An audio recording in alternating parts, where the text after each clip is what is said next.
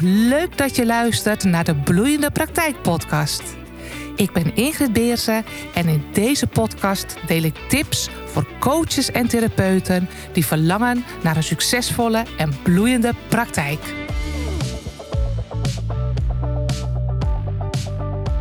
In deze aflevering ga ik een beetje met de billen bloot. Tenminste, ik ga een aantal blunders met je delen. Alhoewel, dat is ook eigenlijk een te groot woord. Laat ik zeggen, van die ja, soort fouten. Natuurlijk, in het ondernemerschap zijn het eigenlijk gewoon leermomenten. Waarvan ik dacht, oh, had ik dat maar eerder geweten, dan had ik het anders gedaan. Dus ik dacht, laat ik er een podcastaflevering over opnemen. Want daar heb jij natuurlijk wel wat aan van die dingen waarvan ik dacht, oh, had ik het maar anders gedaan. Dus wie weet kan ik je voor een aantal dingen behoeden. Alhoewel, wat ik eigenlijk net al aangaf, het zijn vooral leermomenten. En soms, dat weet je denk ik ook als je opvoeder bent, is het ook wel eens goed dat je even zelf de harde leerschool gaat ondergaan en gaat doorvoelen. Want ja, soms kan iemand iets tegen je zeggen en dan denk je het zal wel.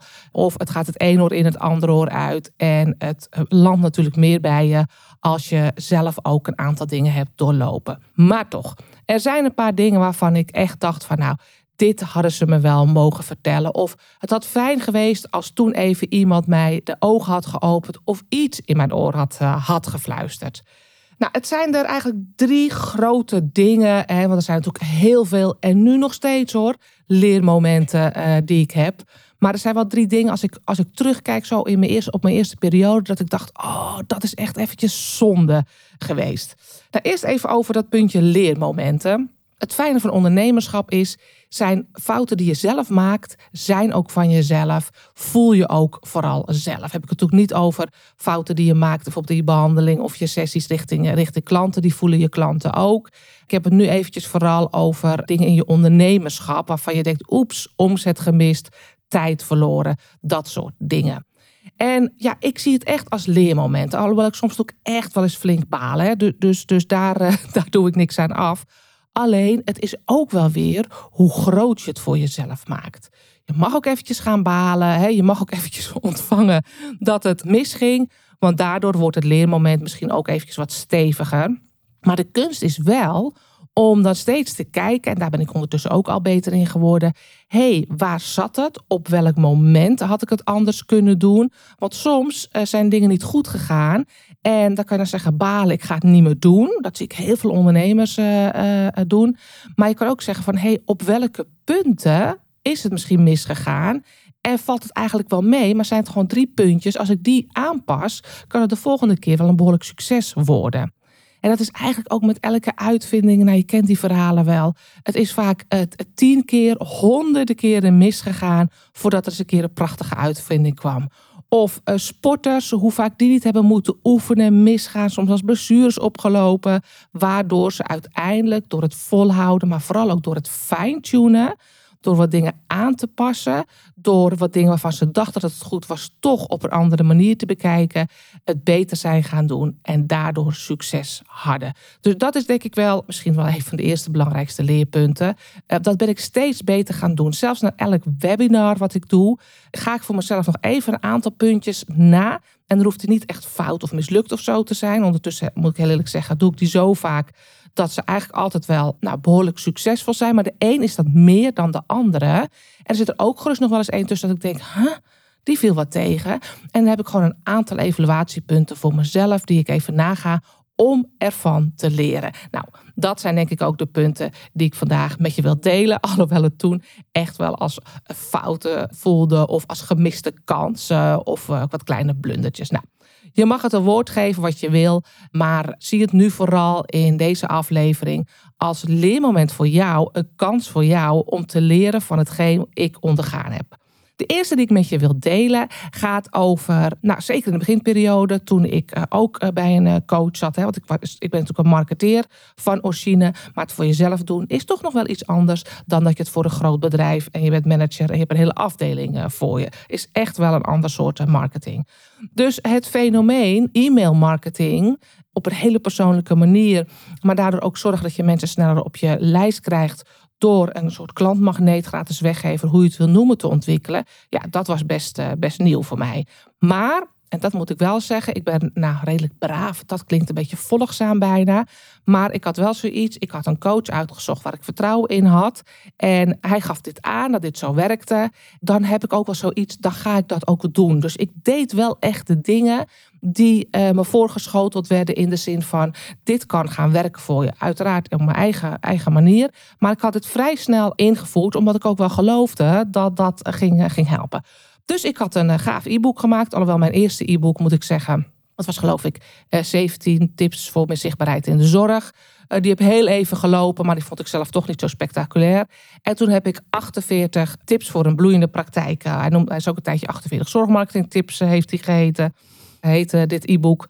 zo kan je dus altijd onderweg ook de titelen veranderen. Maar dat was een behoorlijk schot in, eh, in de roos. Die deed het best heel goed. En ik had een, uh, een Facebook-marketeer uh, gevonden. Via via hier en daar wat gaan navragen. Die dit voor mij kon neerzetten als een advertentie. Het, grappige was dat ik in het begin, ja, dan weet je natuurlijk niks van cijfers. Hè. Daarom is, ik heb er ook een keer een blog over geschreven. Referentiekader ook heel belangrijk om te zien waar je tevreden mee mag zijn. Maar dus even een, een zijstapje. Ik had dat e-book, dus was ik aan het promoten. En toen zei ik op een gegeven moment tegen hem, een beetje kijken in die, in cijfers. En ik vind cijfers altijd wel uh, interessant. Ik heb ook ooit een uh, opleiding data-analyse uh, gedaan. Je kan zoveel uit cijfers halen. Dus ik zat met mijn neus vrij snel in die, in die cijfertjes. Ook uit nieuwsgierigheid, hoe ging dit? En toen zei ik tegen hem, nou, volgens mij loopt het niet zo goed. Want van de, nou, bij wijze van spreken, 100 mensen die via de advertentie op de landingspagina komen voor mijn e-book, vragen het maar 60 aan.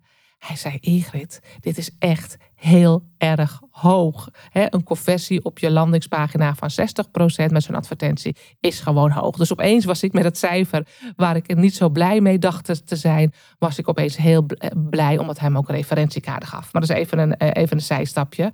Maar het is dus wel ook wel weer goed trouwens, om te weten waar kan je, mag je en kan je blij mee zijn. Maar goed, uiteraard had hij een budget gevraagd en uh, we zijn aan de slag gegaan. En ik had een budget, volgens mij van 400 euro, dacht ik zoiets, voor, voor de eerste maand. Nou, best pittig, maar weet je, ik wilde er gewoon tegenaan. Ik wist, dit is een belangrijk stuk om nou ja, mijn e-maillijst te laten groeien. En ik had al lang gehoord dat een goede e-maillijst echt goud waard is. Dus we gingen aan de slag. En hij deed het echt hartstikke goed die maand. Volgens mij was het een beetje uh, april in mijn, eerste, in mijn eerste jaar. Ik weet het nog goed.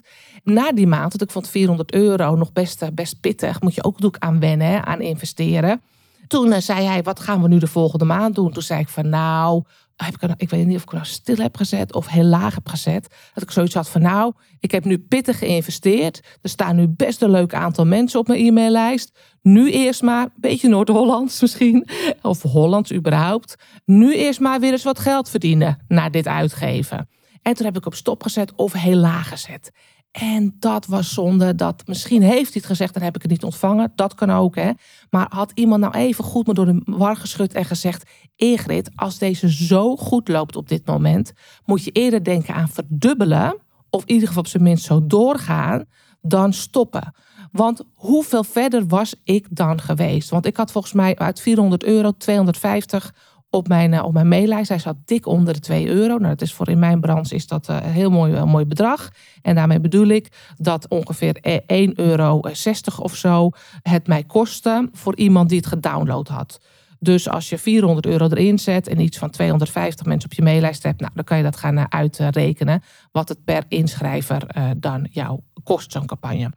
En dat was echt voor, voor in mijn branche echt een fantastische prijs. Nou, nu met die Facebook-prijzen die nog meer omhoog gaan, zijn dat prijzen waarvan ik nu nog denk: ah, top uh, was dat. Als ik toen was doorgegaan, uh, dus ik had er 250 op mijn lijst in die maand, volgens mij april, had ik het in mei en juni ook gedaan, was ik in één klap op 750 uh, eh, beland. Want meestal kan je met die cijfers gewoon lekker gaan, ook gaan doorrekenen. Je moet het een beetje in de gaten houden, maar meestal er daar een soort voorspellend karakter in. Nou, dan had ik echt een lekkere maillijst gehad. En nu stopte ik er met 250. Omdat ik dacht, nou, geld uitgegeven. Nu eerst maar eens eventjes verdienen. Dat is klein denken. Dat is bijna denken als consument. en als je in loondienst was, nu maar eens weer even sparen. Maar ik had toen moeten gassen. Hoe snel had dan mijn groei geweest? Terwijl ik het eerste half jaar best uh, strukkelen uh, vond. Nou, hierom dus. Dus ja, voor jou geldt dus ook. Als jij een advertentie hebt lopen of je hebt iets anders, een workshop, iets wat heel goed werkt. Uh, denk dan niet aan, en, en het is een investering, trek je terug en oh, het kost geld. Maar denk eraan, wow, ik kan die investering dus ook weer vrij snel terugverdienen. Misschien moet ik juist eerder denken aan doorgaan op zijn minst of verdubbelen. Ik spreek wel eens klanten die zeggen: Nou, ik, het gaat best heel goed met mijn uh, e-book of scan of mini-training, wat ze gratis weggeven. En kijk, mijn branche is wat concurrerende branche, maar er zijn ook branches waar ik echt wel eens zie dat ze 50 cent kwijt zijn aan een download. En dan zei ik ook van: En ja, ik doe 5 euro per dag. En dan zeg ik: Wat nou als je 10 euro per dag gaat doen? Weet je, dat is eventjes omdenken. Want heel vaak merk ik dat ze denken: Oh, daar heb ik eigenlijk niet over nagedacht. Maar ik zit gewoon elke keer te denken van, oh, 5 euro per dag en 50 cent, dan heb ik er zoveel. Maar wat nou als je 10 euro per dag doet? Of 20 euro per dag? En dat is gewoon eens een maand lang. Dat is misschien wel veel geld, maar je haalt hem ook sneller er weer uit. Want zoals in Amerika wel eens zeggen, en ze hebben best vaak op marketinggebied gelijk, die Amerikanen, your money is in the list. Dus deze wil ik je graag meegeven. Ik had toen natuurlijk nooit moeten stoppen. Ik had moeten doorgaan en misschien zelfs de ballen moeten hebben om te verdubbelen. Oké, een andere, iets waarvan ik best veel uh, geleerd heb en die voor jullie misschien ook wel uh, bekend is. Maar weet je ook gewoon even dat ik dat heb gehad. Want ik draai nu natuurlijk hartstikke lekker. En ik weet ook dat sommige klanten van me zeggen: Oh, maar jij doet dat zo of zo. Maar ik heb ook mijn padje gelopen. Bijvoorbeeld workshops geven. Dat is natuurlijk een fijne manier om in het begin misschien met drie of vier en later met tien of twaalf of vijftien mensen om je heen te zitten. En van daaruit een upsell te doen naar eh, je traject of je coaching of wat je ook daarna verkoopt. In ieder geval waar je verdienmodel zit. Dat zit natuurlijk nooit in de workshop, maar dat zit altijd daarna. Ik organiseerde die ook. Ik was, wist vrij snel dat ik landelijk wilde. Dus ik organiseerde ze in Rotterdam en in Utrecht. En in Amsterdam, een beetje de grote, grote plaatsen. Wat een van mijn fouten was, eh, en die is denk ik heel bekend, is dat ik in het begin de kneepjes van het vak nog niet zo goed door had. Dus ik gaf een workshop en ik had natuurlijk ook mijn onzekerheden. En als daar dan mensen zitten en die zeggen niet veel en die luisteren alleen en je ziet niet altijd wat op hun gezicht, dat, dat geldt soms ook voor mij, krijg ik ook wel eens terug, hoor, dat iemand zei, oh, ik had helemaal niet door dat je enthousiast was. Dan zei ik, ja, maar ik was heel erg aan het luisteren. Maar als je wat onzeker bent, kan je dat interpreteren als: oh, ze vragen niet zoveel of uh, er gebeurt niet zoveel. Misschien vinden ze het niet interessant. Dus ik gaf best veel in zo'n workshop. Ik weet nog in Rotterdam, ik gaf heel veel in die workshop. Er zaten, oh, ik had best wel veel opgegeven. Met in het begin had ik het ook, ook hoor, maar twee of drie of vier. Maar ik ging altijd mijn workshops, liet ik doorgaan. En op een gegeven moment heb je er gewoon elke keer meer in je workshop. Dus ik had er volgens mij iets richting de tien. Ik had volgens mij maar één uitverkocht. En ik weet nog een gigantische gave review van een dame die uit de andere kant van het land kwam. Twee uur moest reizen voor mijn workshop. Hoe gaaf is dat? Maar ik zoveel had gegeven dat zij terecht zei in een review. Het was een gaaf review. Zo fijn, zo'n goede workshop. Het was twee uur reizen waard. Ik kan hier voorlopig mee voort. Ze is nooit klant geworden, want zij kon echt uh, met haar ambities die ze had flink mee, uh, mee voort. Ik gaf gewoon veel te veel uit een soort onzekerheid, uit een soort, ja, dat je het misschien wel pleasen, ik weet het niet. Maar ook vooral dat je de, de techniek van het geven van een workshop uh, niet voldoende, voldoende kent. Dus het kan ook nog zijn dat ze zelfs overwhelmed waren aan het, uh, aan het eind. Hè. Dat kan dan ook weer een ander effect uh, hebben. Kortom, gave reviews, weinig tot geen verkopen. Dus die fouten heb ik ook gemaakt. In het begin heb je moeite om ze vol te krijgen. Daarna heb je ze vol en dan maak je nog eens die fout. Dus het is niet zo dat je na één of twee workshops het al helemaal gaaf doet. Natuurlijk, toen ik later leerde hoe je zo'n workshop moest geven, ging het veel sneller. En ik leer het ook nu altijd in mijn programma's. Hoe geef je nu zo'n workshop? Dat er een upsell aan moet zitten. Maar hoe bouw je dat ook, uh, ook op? Maar dat is natuurlijk ook iets wat, uh, wat ik denk van ja, als ik dat eerder had geweten, had ik het al veel sneller kunnen gaan verzilveren. Een andere die ook, uh, denk ik, wel samenhangt met het geven van een workshop, is dat ik, omdat ik het al gelijk landelijk ging, dat mensen natuurlijk best wel vaak teruggaven van, oh, wat zonde, ik kan dan wel, maar geef je niet een keertje Gelderland? Of weet je, er is altijd wel iemand die wat zegt. Maar ik, in het begin boog ik daarin mee en dacht ik, oh ja, super, super, daar wil ook iemand. Dus ik had op een gegeven moment wel op twee plekken, dus op één plek een workshop en die begon al een beetje vol te lopen. En toen dacht ik, oh hop, doe ik op een andere plek in Nederland ook die workshop. En toen gingen mensen overlopen. Dus toen zeiden ze, oh, maar dan geef je hem daar. Oh, dat is net even dichterbij bij mij. Dus ik gaf, eh, ik zat uh, eigenlijk promotie te maken voor twee workshops op twee verschillende plekken, op twee verschillende dagen. En nou, dat zie je ook wel vaak, dat mensen een agenda zetten op hun website. Wat krijg je dan? A, denken mensen, oh, ze geeft vaker een workshop, dus ik wacht wel af dat het me beter schikt. Of je hebt twee workshops waar je allebei een handjevol mensen hebt, terwijl je beter natuurlijk één flink gevuld kan hebben. Want hoe voller je workshop is, hoe fijner mensen het ook vinden om anderen te ontmoeten. Natuurlijk vinden ze het ook fijn om jou één op één uh, zoveel mogelijk te hebben als je een kleine workshop hebt. Maar je verkoopt nou eenmaal makkelijker als er meer mensen in je workshop uh, zitten. Dus daar was ook een fout van mij. Dus ik doe altijd nu één workshop, that's it. En dat raad ik ook altijd mijn klanten aan. Dan heb je ook veel meer dat mensen er hun best voor gaan doen om naar je toe te komen. Oké, dat even voor de workshops, fouten, weet je, blunders, I don't know. Uh, dat met die, met die uh, twee workshops uh, rond dezelfde periode is niet een grote fout. Maar ik zie wel dat het vaak gebeurt, waardoor je gewoon ja, hele kleine cellen gevuld krijgt, zeg maar. dus voor de ene workshop heb je misschien twee mensen, de andere drie. Hoe fijn was het als je er vijf had? Plus het fenomeen dus, wat ik al zei, dat mensen denken, oh, ze geeft er vaker één. Ik wacht mijn tijd wel af. Een andere, ja, die vond ik inderdaad ook wel heel erg leerzaam. Die, die zag ik echt niet. En op dat moment had ik ook geen, eh, geen coach. Had ik het maar gehad, want daarna heb ik het wel bij een coach voorgelegd. Ik ging namelijk een uh, event organiseren. Een event nog niet een hele dag hoor, maar wel een, eh, dagdeel. En ik wilde er ook echt wel veel mensen voor, voor hebben. Ik had ook nog twee sprekers uitgenodigd. En ik zelf was natuurlijk spreker. En het, uiteraard was mijn doel ook een een upsell te doen aan het, eh, aan het eind. En volgens mij gaf ik hem in eind oktober. Dus vanaf, uh, tot, vanaf de zomervakantie of in de zomervakantie ben ik al gestart met promoten. Heel september gepromoot. En een heel groot deel oktober. Dus augustus, september, oktober was ik die aan het promoten. Ik dacht, dan kan ik er niks anders bij promoten. Want als ik dan ook nog eens een workshop promoot, of ik gaf toen nog gewoon geen webinars, geloof ik, dan uh, het, concurreert het op elkaar. Ook geen uh, gesprekken gepromoot. Echt alles ingezet op het event. Nou, uiteindelijk had ik daar best een leuke zaal vol. Eh, dat, dat was echt wel fijn. Maar ik had dus een omzetdaling omdat ik geen andere dingen had ingezet. Dus september, oktober waren echt qua omzet magere maanden. Toen verkocht ik uit de, die, dat event eh, echt wel, wel behoorlijk goed, moet ik zeggen. Maar het was een programma die zou starten. Dat was volgens mij eind oktober, ja, die, die, eh, dat event. Dus ik heb echt uh, daar, daar twee dikke maanden plus mijn vakantie minder omzet gehad. Ehm, en in januari startte dat programma pas.